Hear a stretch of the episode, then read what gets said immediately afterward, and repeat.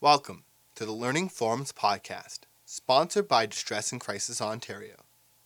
Learning Forums offers programs specifically designed for DCO member organizations. This podcast is meant to inform, educate, and support your work.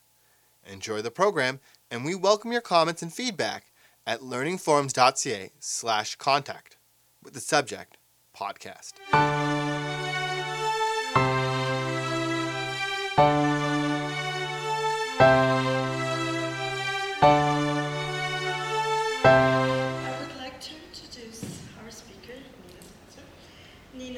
Lauded by the National Post as one of Canada's leading motivational speakers. And this evening, she's our keynote speaker. She's a recurring guest on a variety of radio and television programs such as News Talk 1010, and the Zoom, Zoomer Radio, City TV, and CBC, as well as recent edition of TVO's The Agenda. Hmm. She is repeatedly featured in publications such as The Globe, Toronto Star, Maclean's, and Chatelaine magazines, to name a few, and has hosted the TV program Daytime Toronto in 2016. Hailing originally from HR within the public sector, her clients include the cities of Mississauga, Toronto, Hamilton, Ottawa, and Vaughan. Ottawa. Many regional municipalities and municipally focused associations such as the LHINs, Family Health Teams, and many times for the Ontario Ministry of Community and Social Services. In the earlier days, she was a professional figure skater. No triple Lutzes today. and in 2011, she summited Mount Kilimanjaro, the world's tallest freestanding mountain, a feat only 30% of climbers achieve. We recently found out with, uh, I think, a week ago, that they were having some issues with the number of people climbing. And I thought, Yes. Nina is also the best-selling author of two books, A Time to Creep, A Time to Soar, and Getting Passion Out of Your Profession, which is why one of the reasons we're here tonight. She's here to help complete her evening on a high note by sharing her tips, tricks, and techniques for getting passion out of your profession. Come what may. Thank you, Nina. Please join me. Make your choice, adventurous stranger. Strike the bell and bide the danger. Or wonder till it drives you mad. What would have followed if you had? What would have followed if you had? This is a quote from C.S. Lewis's children's series of books, The Chronicles of Narnia. Yay! the Chronicles of Narnia. My daughter was still in elementary school when she thought that she would help her mummy. And I think lots of kids like to do that, help their mums and dads, their aunties, uncles, grandparents, whatever, with their work. They think that they're helping, even if we kind of know they're not, but they like to be helpful. So she was still in elementary school when she came up to me, understanding what I do for a living, and said, Mummy, do you think that you could use these lines in one of your presentations? And I thought, bless her heart, you know, I'll pat her on the head and say, oh, of course, darling, I can do that. And then I figured I would just pitch them. They wouldn't be pertinent. But I took a look at them and I thought, for goodness sake, I actually can. And they really do speak to me. And maybe they will speak to my audiences as well. And they've been pretty much my signature opening ever since. So this evening, when we talk about the idea of getting passion out of your profession, getting passion out of the work that you do day in and day out, think about your own enthusiasm day in and day out for the work that you do based on this expression. Make your choice, adventurous stranger. No matter what's coming down the pike with politics, technology, um, changes of government, whatever it is, pain in the butt clients to work with, or, or perhaps instead colleagues, um, make your choice, adventurous stranger. No matter what is happening, every time you cross the threshold into your workplace, you have a decision to make. How am I going to bring myself to this work this day? Right? Dragging it, dragging it, dragging it, or determination and commitment to do the very best no matter what. Make your choice, adventurous stranger. Strike the bell and bide the danger. What's the rest of it say? Or wonder till it drives you mad at the end of all of your professional days, whether you're 50, 55, 60, 65, 70, whenever it is that you decide you're going to retire and uh, sit on the couch and eat bonbons for a while. Uh, what would it have been like? What would it have been like if I had only done it differently? Wonder until it drives you mad what would have been like, uh, what would have happened if you had. So we find, speakers find that this hour, especially after a dinner, especially after a day, especially after a long drive, uh, this hour after dinner is often called the trout hour, T R O U T. And that's trout like the fish, because when you're in this position looking at an audience, you often end up seeing a lot of this. like a trout. So I'm going to get you engaged right out of the gate. Uh, and in order to do that, I need for you to grab for a pen or a pencil and some scratch piece of paper, and I'm going to put you to a challenge just to stir the blood a little bit. And the challenge goes like this 15 second challenge. Will you all please write your first names and your first names only as many times as you can? Ready? Begin. Five seconds gone. 10 seconds. Three, two, one, and stop. Now, because we're a polite group here, I can see that nobody is swinging to the person to the left or to the right going, hey, how many did you get? Uh, but oftentimes when there's a large crowd, lar- oftentimes when there's a large crowd and there's, there's safety in numbers, what happens when I go, stop, uh, I will watch and hear people, I'll see people going, How many did you get? How many did you get? Uh, if you don't know the person to the left or to the right of you, and of course that isn't the case this evening, but when they don't, they still want to know what somebody else got, but they would kind of feel a little bit cheeky to ask. So they might go like this. right? Stretch or yawn and just steal a peek to the left or to the right. Because we want to know how we measure up around any kind of skill whether it's a technological skill, an interpersonal communication skill, something as silly as the opening exercise of a keynote speak. Uh, we want to know are we as good as, better than, or not as good as the next guy?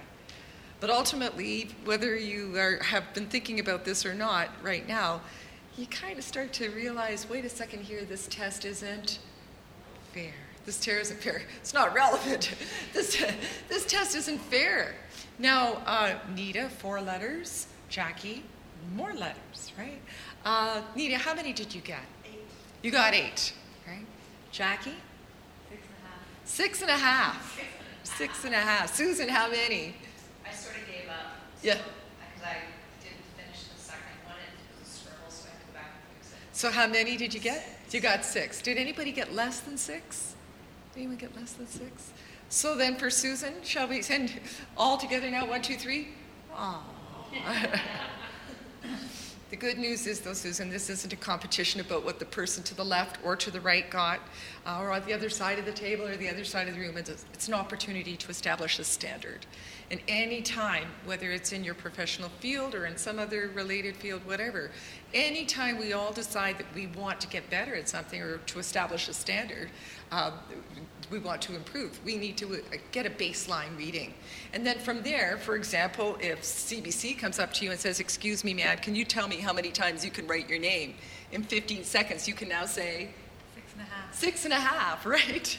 So I think employers everywhere, in all kinds of professions, in all kinds of industries, would love it if they could throw magic fairy dust across everybody and have everybody improve in whatever way they all want in 24 hours. 100% in 24 hours. But we know that that's not the way it goes. It's slow and steady wins the race. You chip away at it. 10% incremental improvements. And if you give yourself enough time, enough patience, if you cut yourself enough slack, you eventually will get to where you want to go. But the thing is, we often are in a big hurry and we don't think that we're going to get there very fast. And, and then we're always kind of kicking ourselves or feeling frustrated. Slow and steady wins the race. Make yourself go through those 10% incremental improvements and you'll get where you want to go. So let's capture that again with pen and paper. This time I'm asking for you to go just one step further. You don't need to double your score. I'm not looking for you to get 18 or 16. I'm not looking for you to get uh, 12 and a half or 13. Just go one better than the first time around to demonstrate, to symbolize that 10% incremental improvement. Do you think you can do it? Yeah, we won't know until we stick it to the test. So let's grab for another 15 seconds on the clock and everybody start at exactly the same time. Are you ready? On your marks, get set, change hands, and go.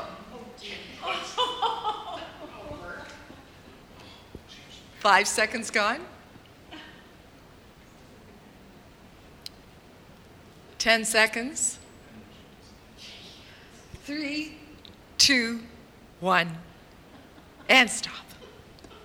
How many t- people did better? I don't like it when people actually do because it ruins the point. And the point is this Isn't it interesting that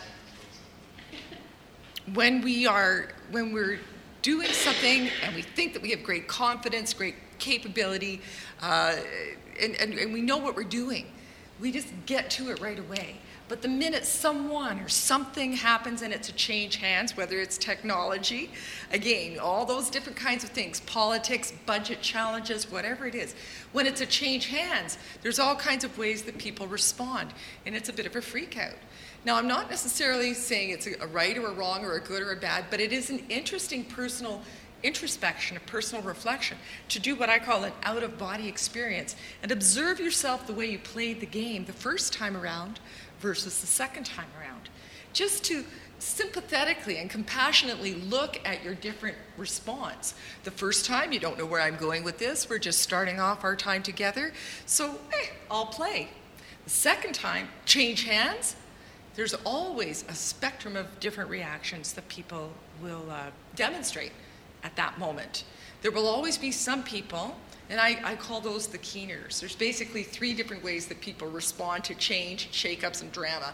On one end of the spectrum, and I'm not necessarily suggesting that this is you, it's just all for illustrative purposes. But at one end of the spectrum, there's always the keeners, the enthusiastic people. No matter what's coming down the pike, they always seem to get it. Okay, you want me to change hands? I'll just stick that pen in the other hand, stick my tongue out a certain way to the wind uh, and go, go, go, go, go, and I never miss a beat. The keeners. Now, the people who are the keeners can sometimes be quite an irritation to the others, right? because you just know that you're never going to be quite that as upbeat and enthusiastic and all sunshine and lollipops all the time, right? Somebody, some people are saying, can you get the ever-ready batteries out of those people, right? I'm never going to be like that. So on one end of the spectrum, we have the keeners. And at the other end of the spectrum, and of course, Jackie, Susan, this is not you, of course, right? Uh, it's illustrative purposes only. But if on one end of the spectrum we've got the keeners, the polar opposite are the difficult, irritable, miserable, crusty crabbiolas. And we know people like that in our workplaces and sometimes even in our families. Is that fair enough to say? There's always one or two that are just kind of crabby.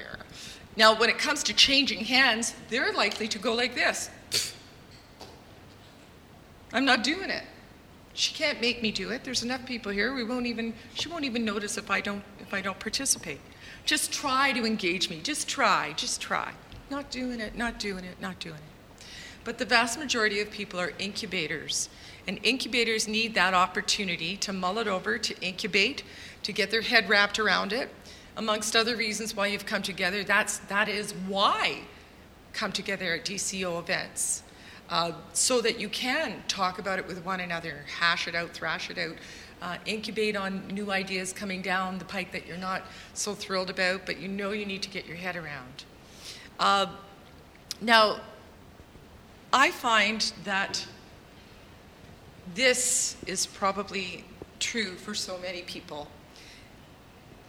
Take a look at this visual. This is a visual of a dog with a unicycle and a cat in his mouth and his vase in his nose.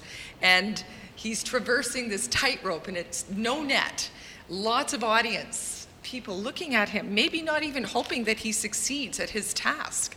Maybe you feel like this sometimes. And the caption that goes along with this picture says, High above the hushed crowd, Roxanne tries to remain focused. Still, she can't shake one nagging little thought. She is a old dog. I make sure to never look at anybody when I say that. she is an old dog, and this is a new trick. Do you ever feel that way sometimes? Another new change in policy, another new technology. Oh, can't we just keep on doing things the way that I'm used to, the way that I know works, the way that, that has worked for the past two years, five years, ten years? And then there's always some people I can see from the youthful looks on your face that it's none of you, but there are always some people in the audiences who say, Can't we just keep this up until I retire? Right? Just until I retire, then I don't care what else you do. Just let's keep on doing it this way.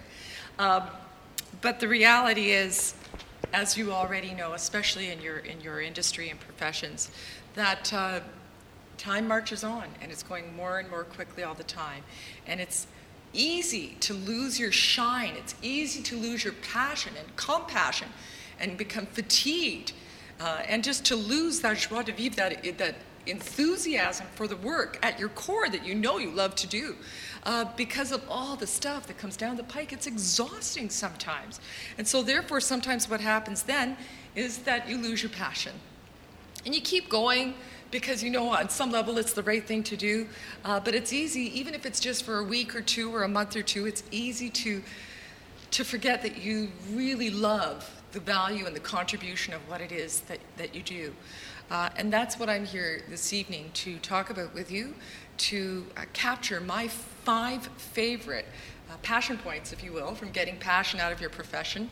The, the book volume, I talk about eight, but these are my cherry pick favorites for uh, uh, presenting. And just to get you started, have you ever come across this expression? When you're green, you're growing, and when you're ripe, you rot. Heard it? Right? When you're green, you're growing, and when you're ripe, you rot. I love it. I think I heard it for the first time in about 1990, and I've always latched onto it ever since. So every single day, even if it's just a new word, or how about this? Sometimes we find out that we've been mispronouncing a word your whole life. Does that ever happen? And then you think someone is saying it wrong, and then you realize it's you that's been saying it wrong. I did that once years ago with the word dilapidated, right? I thought it was dilapidated. And I remember hearing a woman say one day, dilapidated. She, she kept saying dilapidated. I thought, she's saying that wrong. I went and took a look in the dictionary. Oops, it's been me who's been saying it wrong. Other words are like whirlwind, whirlwind. You know, you, there are people out there that say whirlwind. It's, it's whirlwind, right? Um, so even if it's as simple as finally learning how to properly say a particular word, or something as, as complex as learning some new technology, each and every day learning new things, stay green, stay growing, 95 years old, still learning something new, a learn a new perspective or whatever. So, uh, the first of the strategies that I'm suggesting for you to protect your own energy, to protect your, your uh, ability to communicate in the most effective, most influential, and most persuasive way possible, not only to those who consume your services, but with your colleagues, with uh, other kinds of clients, that, uh, administration, management, or whatever, is to take a mindful, purposeful, and very careful look at the words coming out of your mouth. Because even the most optimistically focused, forward thinking, hopeful, positive people can be using a lot of negative language every single day, and they do not even realize it. UCLA a few years back determined in a study that the average one year old child hears the word no, no, no, no, no, no, no, no, no, no, 472 times a day. Yeah, that's what I did too, Jack. Are you kidding me? That can't possibly be right. But I did see that unfold across the street from me a few years ago. A gentleman was babysitting his one year old grandson, Antonio. And I saw him on the porch feeding him his breakfast in his high chair and so on. And his little grandson was reaching for his glasses. And Tom went, No, no, no. And the little boy giggled and laughed. He didn't have language, but he knew he'd engaged his grandpa. So you just know in his head, if he had language, he would have said, I gotta do this again. So he reached again, and Grandpa went, No, no, no. And this went on for a good minute and a half. No, no, no, no, no, no, no, no, no, no, no, no. It was about nine no, no, no's in 90 seconds, right? That little boy, that little girl, as the Robert Munsch story goes, I love you forever, I love you for always. You know that book, right? That little boy, that little girl, they grow up and up and up and up and go to work in distress and crisis centers. Even the most positively focused, forward thinking, hopeful person who works in your kinds of work, in your kinds of field, can be uh, meaning, full of intent to, to use the best positive words possible, hopeful language possible, and undermining yourself and not even realizing it. Here's an example when you're talking administratively, not necessarily to those that call you up for help, but when you're talking administratively, uh, think about this. If you'll turn to someone who's just right beside you, I think it works out nicely, there's an even number here. Turn to the person closest to you and show them what you look like with your face and what, what words come out of your mouth or the sounds that come out of your mouth, but no swearing, right? The moment you realize you forgot to do something before you came here, you forgot to do something, and now when you get back, all you know what is going to hit the fan. Show at the count of three, what do you look like and what do you sound like when you realize you forgot to do something very, very important. Are you ready? One, two, three, go. Ah, no sound. oh, that's lots of coughing fits, right? um, so the point here is this when we do that, oh my goodness, oh my goodness, uh, face worries, sometimes people will cur- curse, right? They will. They, they, you just can't help those little swear words come out of your mouth. Um, you demonstrate to yourself and you prove to another, or you prove to yourself and you demonstrate to the other that certain words, they're coming out of your mouth have dynamic, they have visceral stuff, and they have an impact on the other. They paint pictures in the head. That's what forgetting looks like. If you were to paint the picture with your face, if you were to paint the picture of forgetting with the sound that comes out of your mouth, that would be it. It's, oh no, oh no. Uh, and and it's, it, it, it has weight. And so, therefore, the opposite is true. Positively focused words have weight too, of a different kind, a more influential, more persuasive uh, energy. So, what's the opposite of forget? Remember. So remember the report needs to be on my desk by June 30th. Remember the meeting Tuesday at 2. Remember the board meeting at the end of the quarter. Paint the picture of the behavior that you want for the other person to demonstrate to the exclusion of the behavior you do not want to see manifest. So, this is uh, a collection of my favorite sentences that you often hear in professional workplaces. Uh, and maybe some of these are, are expressions that you've even said yourself. For example, I can't do anything about this until I've talked with the distress center administrator, uh, executive director.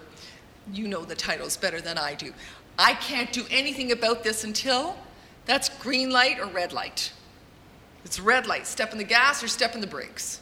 Step on the brakes, right? So instead of I can't do anything until, it's I'll know what I can do about this when.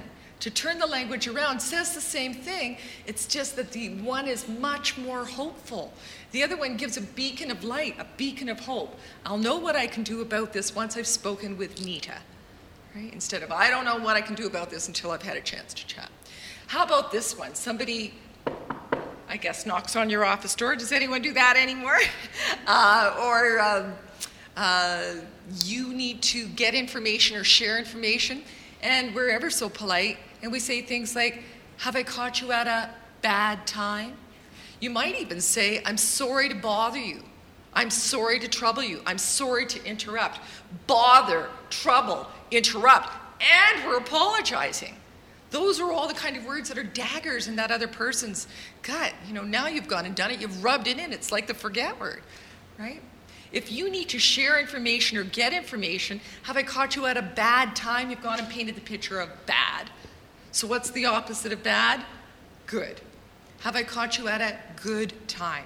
It seems like a simple no brainer sort of thing, but I promise you, if you've not given this thought and if you think, okay, I, will buy this, I'm going to try this, you know, try this for 21 days, that sort of thing. If you do try it, I promise you, some people will, their ears will be so piqued by it that they will actually stop and, and have a, re- a reaction because it's not the way we normally ask to go forward. So when you say, Have I caught you at a good time? I promise you, I promise you that some percentage of people will say, I haven't had a good time in a long time. And then they'll laugh and you'll laugh at any time you can puddle jump across a stressful day with a bit of guffaw here and there with another colleague or whoever. Uh, that's a good thing because, especially in the nature of your work, you need those safe little islands, those, those safe little spots for joy or for laughter or for a chuckle. Because uh, there's lots of seriousness, of course, in the nature of your work. Uh, thank you for holding. Thank you for waiting. Ever said anything like that to anyone? Right? And you think, what's wrong with that? When I do this in workshop format, there's lots of times I'll mill around the tables and I'll hear people saying, well, what's wrong with this? I use that. I say that all the time. And it's not a right or a wrong or a good or a bad. It's just here's what everyone's saying, and here's something that's a little bit better, a little bit more mindful, a little bit more persuasive, influential, and positive in its style, in its communication style. Instead of saying, thank you for waiting, thank you for holding, because nobody wants to wait, nobody wants to hold, instead, thank you for your patience. Now, some people will automatically say that kind of languaging. Now, if you're that kind of person, I'm asking you to do it on purpose. Just because you do something on purpose doesn't make it inauthentic. It just makes you mindful of your personal mastery at, at communication skills, language. So thank you for your patience. Every now and then, there will be one or two people, you'll use that language and feel so proud of yourself for doing so, and then they will say, Well, I wasn't patient. And you think, What are you yelling at me for? I used the right word. Um, so there's no guarantee that all of the strategies will work with all of the people all of the time. But what I'm sharing here is this if it causes three or four or five or more people per day to hold their tongue rather than bite off your head because you use these words instead of those words, then you can go home at the end of your shift with an authentic heart's desire to come back and do it all over again next time rather than having it chip away like the old uh, Janis Joplin song uh, take another little bit of my heart now, baby, right? And just chipping away at you so that, that a little less, a little less pleasure, a little less passion, a little less enjoyment uh, from the work that you're, you're committed to. All right, if you have any questions, don't hesitate to ask, don't hesitate to call. If you have any questions, don't hesitate to ask, don't hesitate to call. Where's the negative there? It's the hesitation. Right? Do I call Dara? Dara, right? Do I call Dara? Do I not call Dara? I don't know. Do I call her? Or do I not? Do I reach out to her? Do I not? Do I text her? Do I not? That hesitation. If you really do not want to hear from them, then go ahead and use that languaging, right? But if you do need to hear from them, it's about getting rid of the hesitation word and the don't word. If you have any questions, please ask, or and, and even go one better. Feel free. Feel free. Turns out that free is a top 10 word in virtually every language. Everybody likes free. We notice it at Friday night in the grocery stores, kind of pushing up your cart to a little kiosk with a little Dixie cup of free offerings of things. or even today, for example, all the different kinds of food that's been on buffet style. Maybe you took an extra cookie, you wouldn't even normally do that, but it seems like it's free. so feel free. Free has got this, this open body invitation kind of style of, of, of, uh, of, of waiting, of, of pulling you in. So please feel free. You've misunderstood me. You've missed my point.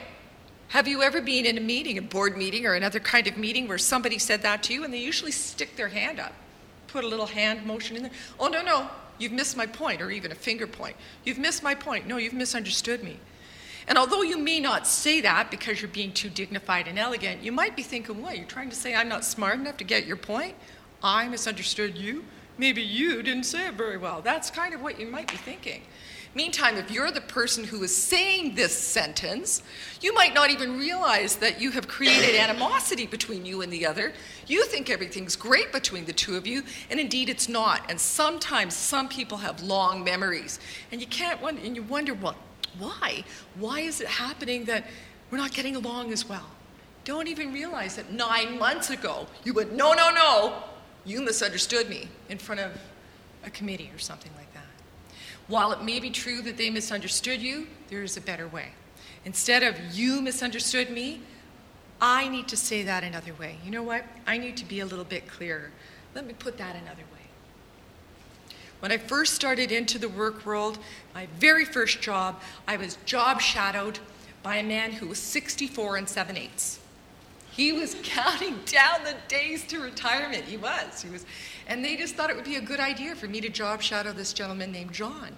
Here I was 21 and he was 60, 64 and 7 eighths. And he is now what I would call a quit and stayed. I didn't have that term in my head back then, but he quit about 20 years before he actually left, retired. And he said to a citizen of Ontario, it was my first job was in the Ontario public sector.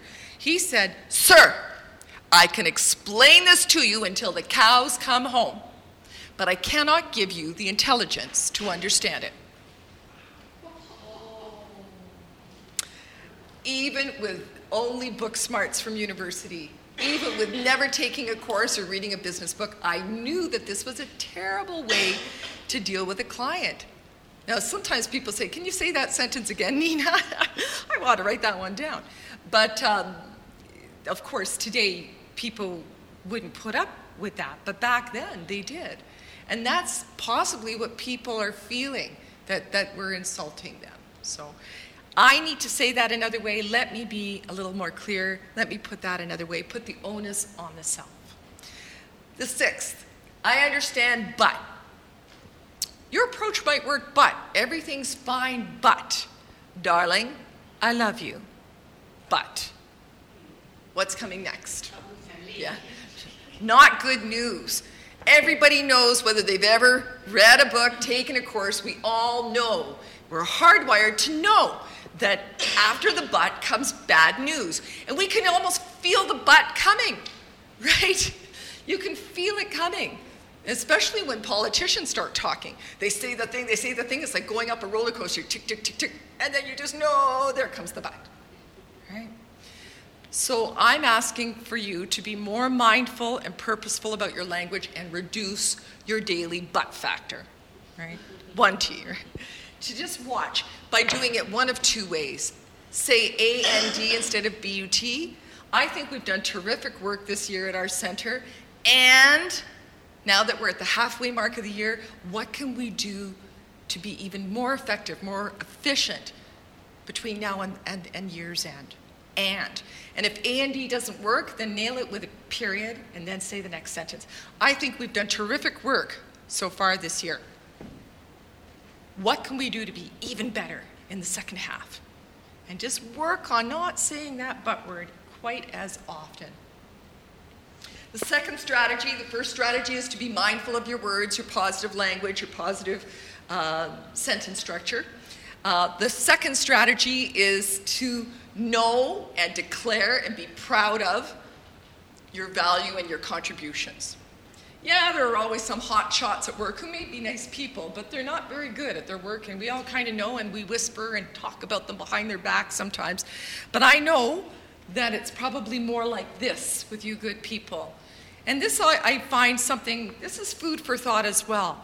There are so many people who do wonderful work. And of course, you are some of those people and your colleagues that aren't here as well. The nature of your work, the whole industry that you're in. Uh, and when people say, wow, we, your work is really important, this is so valuable, you save lives.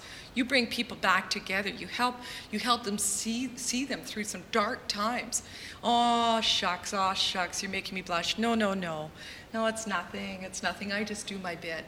And they have a hard time accepting any compliment, any praise. They hide their light under a bushel, as the expression goes. My suggestion to you, if you think, oh, she's got me down to a T, that's it. That's I'm always doing that. I'm always deflecting a compliment. Do you do, do you do that sometimes? Deflect the compliments? think about it this way sometimes people don't wrap up a present and bring it to you. Sometimes what they do is they bring you the present of a compliment. That is their wrapped up with a bow present to you. It's their praise and, and compliment and admiration. And when we say, oh, no, no, no, we're pretty much saying, no, thank you, I don't want your gift. So even though from the humility side of things you might think, oh, it feels kind of wormy and squirmy to, to, to just sit there and let them lavish this praise on me, your job is to rise above that and just say what? Thank you. Thank you. I'm glad that what I was able to share has value for you. Thank you. Even if it feels a little wiggly and a little awkward, your job is to, st- the next time it comes, you hear the compliment coming, then you say to yourself, oh, I get to practice. I'm going to practice this new response. Thank you. That means a lot to me. All right? And there are even other people who are terrific at what they do and they just don't get it. They, they, they sincerely, authentically, they can't see the forest for the trees of the value that they, they bring to the table. This is a picture of an ancient Macedonian mother scolding her grown up ancient Macedonian son. And what is she saying? And another thing I'm sick and tired of everyone calling you Alexander the pretty good. I'm sick and tired. I want you to be more assertive. Sick and tired of everyone calling you Alexander the pretty good because he's supposed to be Alexander the great. Now, your work, yeah, I do a good job. I do a pretty good job. You do a great job day in and day out. Every time you're on those phones, every time you're making those connections with people that need you. It's a great job that you do. And oftentimes, perhaps not one that gets a lot of praise and laud, too. Uh, nevertheless, you are doing a great job, and it's important to be able to remember to stick your thumbs in your metaphoric suspenders and pop up and be proud of what it is you do at your particular centers. The third strategy, again, it's, it's like a, a being against parenthood, if you will. Uh, nevertheless, I think it's really important for us to remind ourselves. Think about that re dash mind. Remind yourself about tasteful, timely, appropriate humor in the workplace, especially because of the nature of the work that you do. You've got to find some of those secret little places to have a laugh because that's part of fortifying your energy and protecting your energy, isn't it? Right? If you didn't, you'd become the next caller. You've got to protect your energy, and it's not a callous thing to do that. It's, it's a mindful, purposeful, helpful thing to do to find ways to protect your energy. Abraham Lincoln is credited with this quote Up until age 40, you control the lines on your face. After age 40, the lines on your face control you. Anybody here over 40 yet? Some people? You got a couple? Right? Close, close. We're getting there. To me, it does, of course, it's metaphoric. It just means up to a certain point, if you always have a grimace and if you're always crabby and crusty crabiola and irritable, you can turn it around. But if you keep it up, what did some mothers used to say when their kids screwed up their faces when they were little? Right? It's gonna stay that way. Did you all have the same mother? Right? Yeah. Right? Keep that, that face up. So the question becomes I know not everybody sees you, but you must see some people, whether it's your, your friends and family and uh, when you come to events like this, when others look at you, you don't have to look at you. I don't have to look at me. Everybody else has to look at me. Everybody else has to look at you. What are they seeing on your face when they look at you? Is it this? Or is it this? Right? Up until age 40, you get to control the lines on your face. After age 40, short of a Botox injection, the lines on your face control you. Make your choice, adventurous stranger. Strike the bell and bide the danger. What is the rest of that? Or wonder till it drives you mad. What would have followed if you had? I'm suggesting that we need to do, just do a, a Fitbit, as you say, Peter. You know, just, just do a, a pause every now and then and take a test of ourselves of where we're at with this, this thing that's on our face that everybody else has to see. Because there are two dreaded diseases out there in our families, in our communities, and in our work lives as well.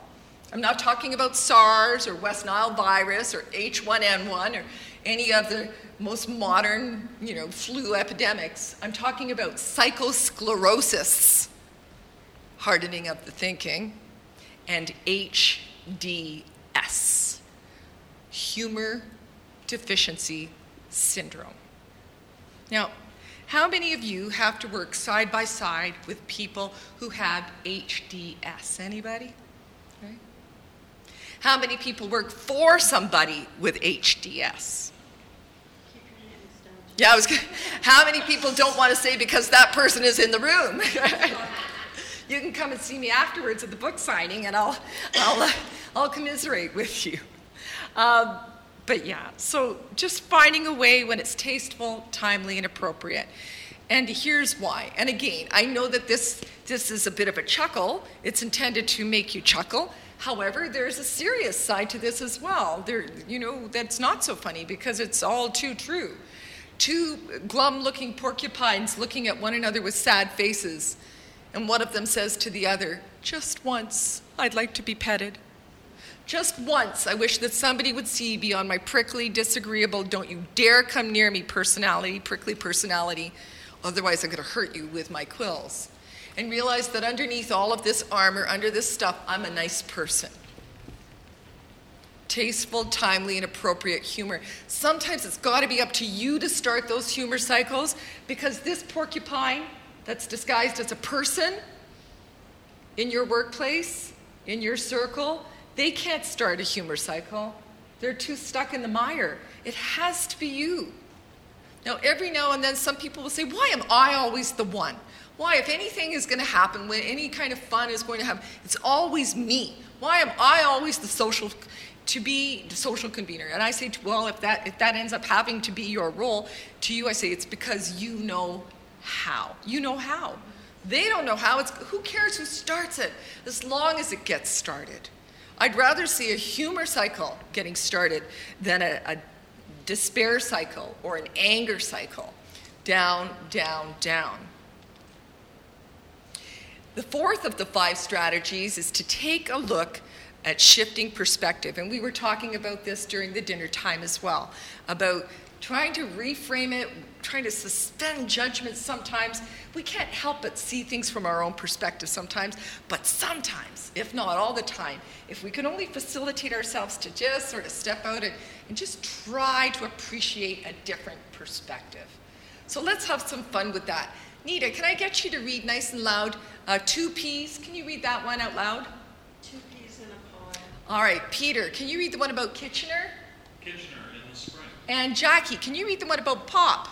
Pop goes the weasel. Terrific. Back to you, Nita. Say it again. Uh, two peas in a pot. Terrific. Peter? Kitchener in the spring. And? Pop goes the weasel. All right, remember that magic fairy dust I talked about at the beginning? Let me get some of that and just throw it over all of you right now. And now you are now in the wonderful world of publishing. And we are going to take these three triangles and the words contained within and print them on pieces of paper and send them to 36 million Canadians. So we're now, it's not for sentence flow, but for proofing, for accuracy. Otherwise, we're going to waste a lot of paper. So nice and slow, reading every word your eye sees. Go for it. Nita. Peas in a pot. All right, Peter. Uh, no. Ah, oh. Request for adjustment.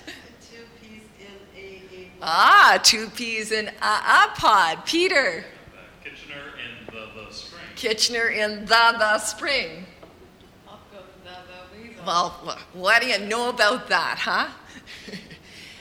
I call it a blinding flash of the obvious. So much of the time, once we think we've seen something correctly, or we've got the right idea or the right solution, we don't argue with our own data, and we keep just seeing that because we think we've already got the correct answer, the correct answer, or the only one answer.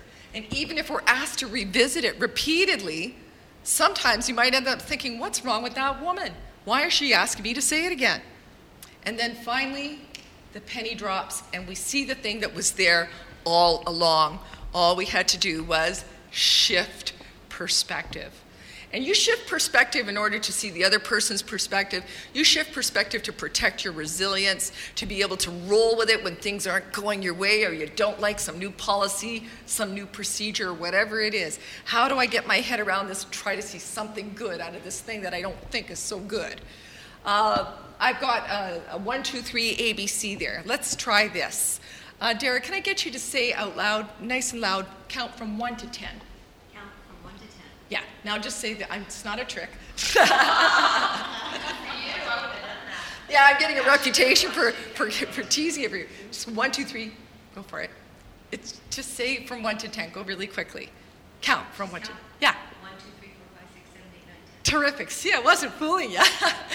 and Susan, from ten to one. Ten, nine, eight, seven, six, five, four, three, two, one. Blast off. And uh, Hannah, I'm going to suggest the alphabet. Yeah, just ABC. Want to sing it? All right then, thank you. Judy, backwards. you know what? When I do this with large crowds, I just watch all the eyes start to go into their laps. Right? Nobody wants to make eye contact with me or over the alphabet. Right? Uh, but the funny thing is, think about this. These are just noises to which we've attributed meaning. Right? 26 numeric noises, 26 alphabetical noises. They're noises that we've memorized. So if I said do the do 26 to 1 backwards, you'd say, okay, 26, 25, 24, 23, 22, 21. You asked me to do it, I did it. I say alphabet, we go this way with those alphabetical noises. I go backwards, most people go, it's a thigh slapper. She doesn't really mean for me to do this. And the funny part about it is, every now and then somebody in the audience does know how to do it, and it totally ruins my point, Judy. So even though I really know that you knew how to do it, right, I'm so glad that you didn't let on. because um, it just helps to remind us that sometimes we think that things are a no can do, but they really are. It's just a matter is there enough motivation? Is there right, the right inspiration? I remember years ago coming into my daughter's elementary school class right around this time of year when teachers are trying to fill in the last few days and the kids are all fidgety and summer vacation is right on the horizon. So they start to bring in parents to talk about what they do for a living. And I went in and did some of my, my stuff that I'm even addressing here now, and I, I made it age appropriate. And one sassy, cheeky little boy kept flailing his hand. His name is Jeffrey. Jeffrey kept, Miss Spencer, Miss Spencer. Yes, Jeffrey, I knew he was the class clown. I'd known it for years. And poor Mrs. Adamo was in the corner holding her head, going, Oh, he's going to embarrass my, my guests. And the kids were wiggling and giggling and whispering to my daughter, He's going to embarrass your mummy. But I gave my girl a wink and I told Mrs. Adamo I think I could handle Jeffrey. So I said, Yes, Jeffrey. See, I'm looking right at you, yes, Jeffrey. He says, I can say the alphabet backwards. I said, Oh, you can't, sweetheart? That's terrific. Well, do you want to show us? Uh, so he stood up and he sauntered nice and slowly. He went up to the front. He took his time, major drama. And then he went like this A, B, C, D, E, F, G, H, I, J, K. And the kids laugh, and Mrs. Mrs. Adamo slunk down a little bit further. But I caught, I said, This is fantastic. I'm so glad that you did this. I'm so glad that you pointed this out to your classmates, which is not what he wanted me to say. Uh, but I said, this, if you go into the work world, people will be working, looking for you. We have a name for this. What do we call what he demonstrated? What, what kinds of words, labels do we have for that? Creative thinking, lateral thinking, paradigm shift, uh, solution oriented. That's, you know, it, oh yeah. He thought I didn't say what I really meant by that, and he found a way to do it. I said, You keep that up. I promise you, people will be looking for you when your time comes to go out into the work world. When he was in high school, I saw him in our local mall in Sherway Gardens, and I said, You know, I still tell your story. I still remember when you did that? But I think he kind of liked it. And I don't give him any royalties, I tell the story in my book. Um, so learning how to learning how to shift. Here's an example. Take your pen and paper and draw a stick figure boy don't, don't worry about artistry, you can just be quick about it, but draw a stick figure boy giving a stick figure girl flowers.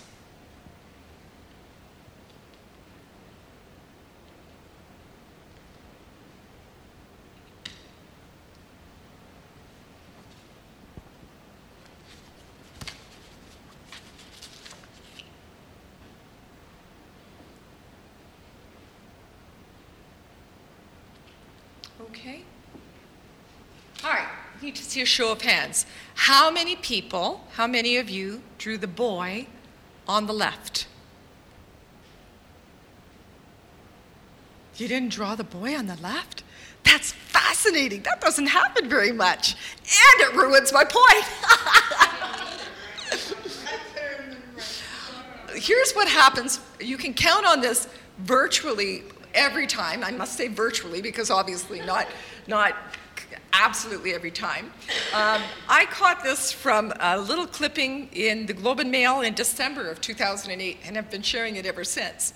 It says, according to research, most Westerners, people who grew up in Western cultures, uh, will draw the boy automatically, they will draw the boy on the left because of the way we learn language, especially English language, right? Because in most scenarios, the subject comes before the object, so we follow the action across the page. What I love about this is this helps us, especially in the nature of your work, but in plenty of other kinds of work too, especially in the diversity of our country. It helps us realize that without even meaning to, we have deep seated, unconscious predispositions, uh, pre programmings, pre prejudices, if you will, uh, that we need to rise above. That, and that we always need to be on guard about. What's, that, what's the expression? I'm forgetting the expression. Where, where you have pre programmed ways of seeing the world. There's. Yeah. It's something prejudice. There's, Yeah. there's Unbiased prejudice? Something like that or bias but it's very it's so subliminal that in your heart of hearts and in your conscious thinking you you you that's it. That's what it is unconscious bias.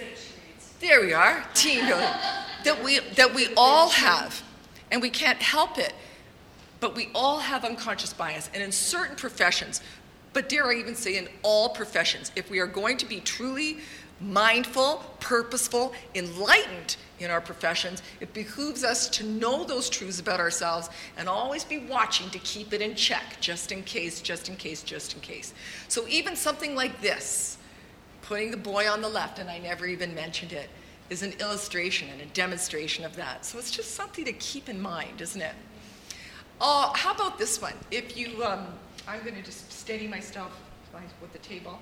Stick your right leg out underneath the table. This is not the hokey pokey, for those of you old enough to know about that. Uh, and rotate it, your ankle, your right ankle, in a clockwise fashion. Right? Like a seventh inning stretch at the baseball game, right?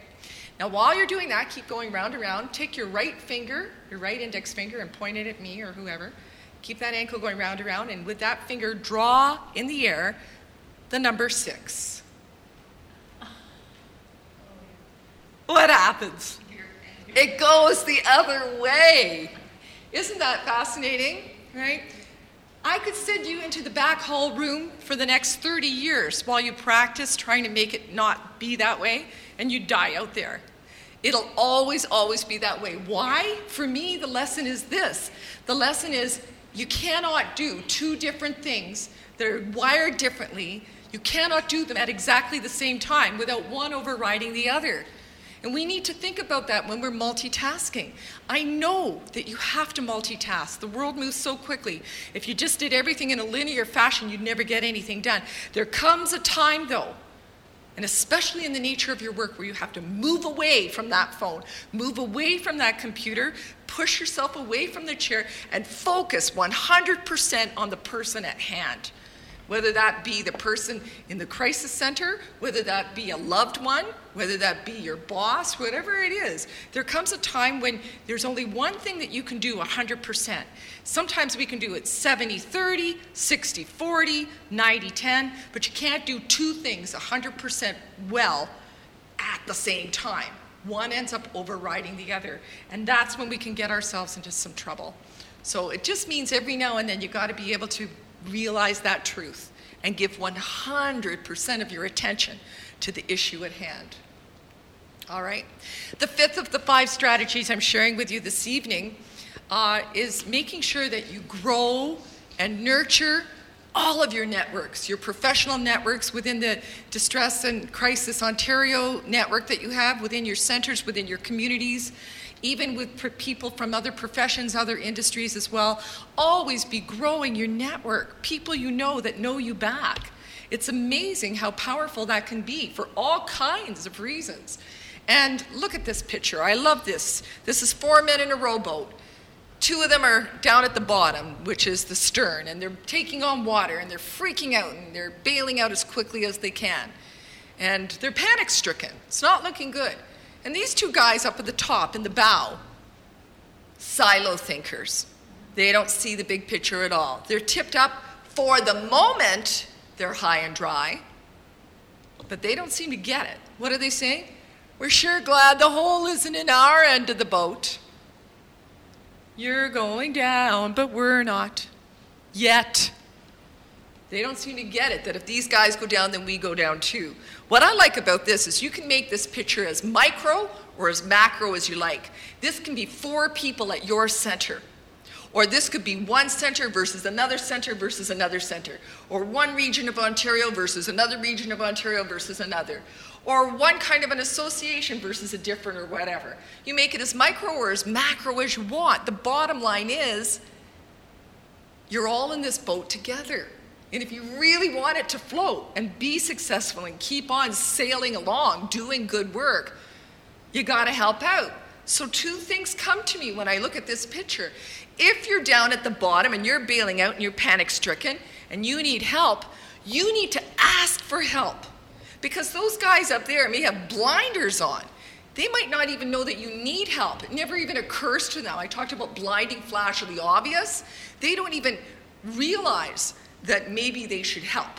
So if they're not forthcoming with help, maybe it's your job to ask for help. Some people just need a little butt kick. They'd be, oh, well, why didn't you say? So if you're in trouble, ask for help. Don't be so proud, pride, uh, full of pride or proud. Pride goes before a fall, as the expression goes. Don't be so proud that you fall or drown. On the other hand, if you're up there high and dry, what are you waiting for? An invitation? I was a brownie. I was a girl guide. I was a brownie leader and a girl guide leader once I got into my adult years, especially with a daughter. And the motto was lend a hand. Be prepared, lend a hand.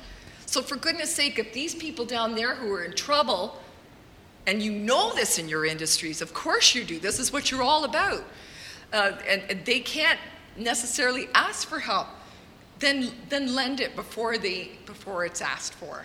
I suppose they have to reach out because otherwise you wouldn't even know they're out there. So at least they do it. Uh, but you be the one to, to, to, to toe the line or to throw the line. If you sincerely want to persevere in the nature of your work, if you sincerely want to remember why you chose to do this kind of work, to make this kind of contribution, and if you sincerely want to keep moving forward and fortifying yourself, fortifying your resili- resiliency, fortifying your passion, then you need to keep finding ways to keep having that passion for your profession. If you keep looking at this picture, you're going to see a horse. Hopefully, that's what I'm hoping that you'll see. And if you look at it this way, you see a, a frog, right? Who says it's a horse on its back? That's someone who's really stuck, right? It's a horse on its back. So you ask yourself, okay, now that we've had our annual meeting, what am I going to do differently for the balance of this year and beyond? And then what are we going to do differently? So it's an I and a we uh, so that we can keep moving forward, keep shifting perspective.